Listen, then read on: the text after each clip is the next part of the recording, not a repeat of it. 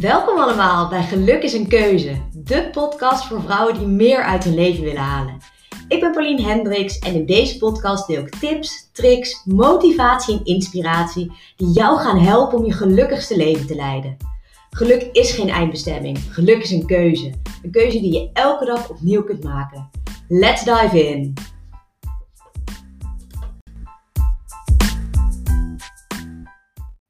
Hey, wat leuk dat je weer luistert naar een nieuwe aflevering van Geluk is een keuze.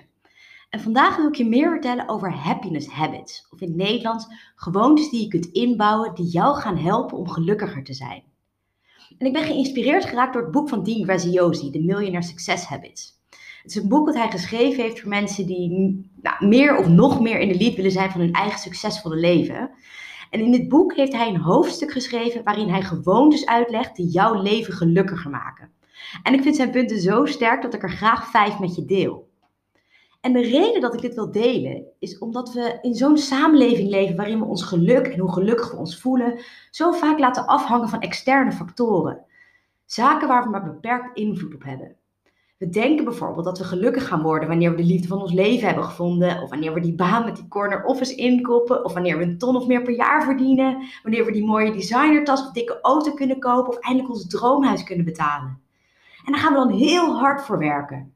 En op het moment dat het ons lukt, dan zijn we ook gelukkig, dan zijn we ook blij. Maar het is vaak van korte duur, want als jij je geluk laat afhangen van externe factoren en de nieuwigheid van die externe factor is eraf, dan ben je weer terug bij af. Echt gelukkig zijn en je gelukkig voelen gaat om intern rust en voldoening vinden. Het is namelijk je mindset die bepaalt hoe gelukkig en voldaan jij jezelf voelt. En dus niet dat mooie kantoor of dat je eindelijk die killer heels met die rode zool kunt betalen. Want wat er gebeurt als jij je geluk van externe factoren laat afhangen, is dat je alleen maar teleurgesteld raakt op het moment dat je denkt dat je iets bereikt hebt en dat gevoel van gelukkig zijn niet komt. Het gaat er dus om dat jij in de lead bent van je eigen interne geluk. Want wanneer je dat bent, dan komt de rest vanzelf. Maar hoe doe je dat dan? Nou, dat is waar Dien zijn hoofdstuk aan wijdt. En dat zijn de gewoontes die je jezelf kunt aanleren en die ik, wil met je, die ik met je wil delen. De allereerste is, hij zegt, en hij zegt, schrijf op. Bepaal wat geluk voor jou betekent, hoe het eruit ziet, hoe het voelt. Wat zorgt ervoor dat je hart een sprongetje maakt? En denk hierin terug naar je jeugd of naar iets, wat, hè, iets, iets van vroeger. Wat gaf jou rust? Wat waren de dingen die jou gelukkig maakten? En nog steeds, maar ook vroeger. Waar ben je dankbaar voor? Wat zijn de dingen, wat zijn de activiteiten die jij kan doen waar je volledig de tijd in vergeet, omdat je daar zo in opgaat? Nou, hij zegt, schrijf ze allemaal op en cirkel er vervolgens drie tot vijf. En dat zijn jouw meest belangrijke. Daar word jij het allergelukkigst van. Dus voor mij, de geur van mijn man. Daar word ik heel blij van. De kusjes van mijn dochter. Maar ook Astrid Gilberto, de muziek van Astrid Gilberto. En niet dat ik nou zo'n ontzettende bossa nova fan ben. Maar het is waar het voor staat. Als ik haar muziek hoor, dan denk ik aan, aan mijn ouders. Mijn ouders die wonen in Azië. En mijn vader die heeft altijd Astrid Gilberto opstaan. Dus als ik, haar muziek, als ik haar muziek hoor, dan word ik teruggenomen naar de tropen. Dan hoor ik de palmen wuiven. Dan hoor ik in de verte hoor ik de zee. En dan lig ik aan het zwembad met de zon op mijn kop. En daar word ik zo intens gelukkig van. Dus het zijn de kleine dingetjes die je kunt doen om dat gevoel weer op te wekken. Dus als ik even down ben, dan zet ik ook die muziek op. Vind ik heerlijk. Nou, tweede, tweede habit. Leef in het nu. Hij zegt, make the present your friend. We zijn met z'n allen zo bezig met morgen, met volgende week, met volgende maand, met volgend jaar. In plaats van dat we even stilstaan bij het mooie wat er vandaag is, wat er nu is we zitten zo in die modus van als ik die promotie krijg, word ik gelukkig. Als ik naar een groter huis uh, kan verhuizen, word ik gelukkiger. Als ik ga trouwen of als ik een kind krijg, dan word ik gelukkiger. Maar het enige wat we daarmee doen, is dan duwen we ons geluk naar een moment in de toekomst dat misschien niet eens gaat komen. Dus hij zegt, leef meer in het nu. Kies ervoor om vandaag, om elke dag iets te doen waar jij gelukkig van wordt. Want wat er ook gebeurt als we continu in de toekomst blijven denken, en hoe verder, de toekomst, hoe verder de toekomst van ons vandaan is, hoe onzeker de toekomst ook is. Dus wat doet dit? Dit zorgt ervoor dat je negatief gaat denken. Omdat je iets probeert te voorspellen wat je helemaal niet kunt voorspellen. ik had het er in een eerdere aflevering ook over verteld. Maar wat mij enorm helpt om in het nu te leven, is om elke dag even stil te staan bij de dingen waar ik dankbaar voor ben. En dit doe ik tijdens het tandenpoetsen. Want dan heb ik twee minuten. En dan denk ik gewoon heel even terug aan de kleine dingen die die dag gebeurd zijn. Bijvoorbeeld dat leuke gesprekje wat ik had bij die mevrouw van de bakker. Of Fenna die zei dat ze mijn eten lekker vond. Dat gebeurt niet zo vaak. Of het feit dat de zon scheen. Dat ik lekker die ochtend gewandeld of gesport had. Het zijn de dingetjes waar je niet meer bij stilstaat als je er niet meer bewust bij nadenkt. En dan vergeet je dat er zoveel kleine momenten op een dag zijn die zo mooi en zo fijn zijn. En ik vind het dus een hele fijne gewoonte die ik mezelf aan het aanleren ben, om daar elke dag weer even bij stil te staan. De derde dan. Stop met overanalyseren. Want als we overanalyseren, dan zijn we continu aan het twijfelen. Dan nemen we geen beslissing, dan is er geen actie.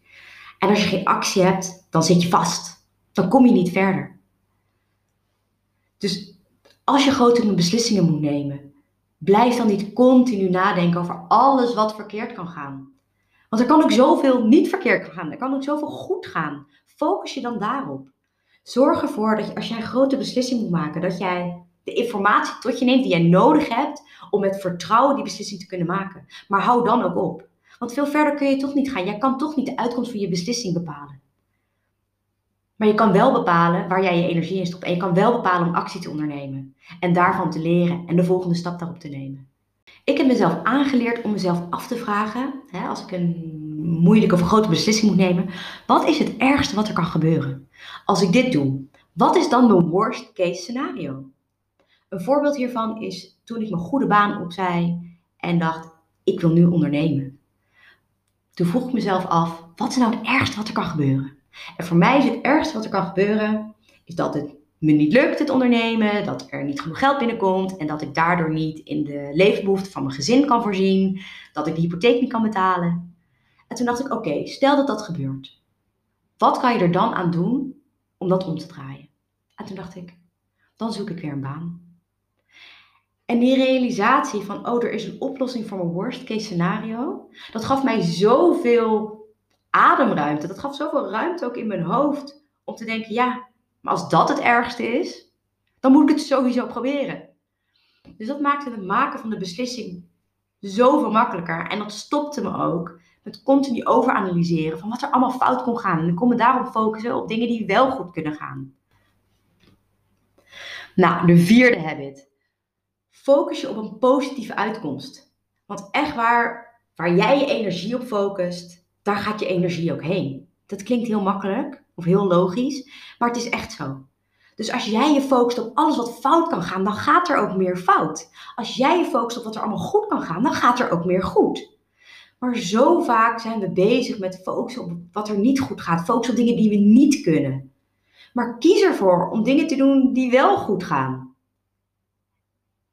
En stop met de tijd spenderen aan dingen die eventueel in de toekomst ooit een keer niet lukken. Want dat zie je dan wel weer.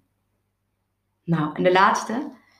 Don't be afraid to fail. En deze vind ik ook heel tof. Want we zijn allemaal zo bezig met als het maar, weet je wat ik net zei, als het maar niet fout gaat. En falen is slecht. Maar dat is niet zo. Falen is de hoeksteen van succes. Iedereen die ergens super goed in is, die heeft 10.000 keer gefaald. Alleen die is net één keer vaker opgestaan dan de andere mensen die hetzelfde hebben geprobeerd en die ook gefaald hebben. Als jij niet faalt, dan ben je zelf niet hard genoeg aan het pushen. Dan ben je geen nieuwe dingen aan het proberen. Je kan je doelen, je grote doelen niet bereiken door niet uit je comfortzone te stappen. Dus Dean zegt: probeer het falen te, om, te omhelzen. Want het is een voorwaarde van succes. En als jij leert om het, om het te omarmen, om dingen fout doen te omarmen, dan ben je dus ook niet verdrietig of ben je ook niet teleurgesteld als dingen niet gaan zoals jij gepland had dat ze gaan. Dus neem deze podcast bijvoorbeeld. Ik had wel 10.000 redenen en onzekerheden om het niet te doen, variërend van wie wil er nou luisteren naar wat ik te zeggen heb, tot ik heb geen idee hoe het technisch gezien werkt. En weet je, het is ook niet perfect. Het geluid is hol, ik heb een stopwoordje, ik zeg nog eens eh. Maar als je het niet probeert, als je niet continu, weet je, als je dan continu in die twijfelmodus zit van wel of niet doen, dan gebeurt er ook niks. Dus ik weet dat het niet perfect is, maar ik leer iedere keer weer iets. En ik neem de feedback mee die ik krijg en ik probeer iedere keer weer een beetje beter te zijn. En dat is hoe we groeien. En dat is hoe we ons voldaan en gelukkig voelen. Door niet bang te zijn om op ons bek te gaan, maar elke keer in actie te komen. En elke, en elke keer gewoon een beetje beter te doen. Dat was, hem, dat, was wat ik met jullie wilde delen. En ik hoop dat dienst en gelukshabits net zo waardevol voor jullie waren als ze voor mij zijn. Laat me vooral weten door deze podcast te screenshotten en te taggen op Instagram onder de Superpower Mindset. En dan spreek ik jullie de volgende keer. Doei! Ik hoop dat je het weer een leuke aflevering vond. Zo ja, screenshot de podcast, vind en tag me op Instagram onder de Superpower Mindset en post me op je tijdlijn of in je stories. Ik vind het heel leuk om te zien wie er luistert en wat je eruit gehaald hebt. En ik zou het helemaal prachtig vinden als je ook een review zou willen schrijven. Dit helpt me om een boodschap met nog meer vrouwen te kunnen delen, zodat ook zij bewust kunnen kiezen voor hun geluk. Kost je echt maar 30 seconden. Dankjewel voor het luisteren en tot de volgende keer.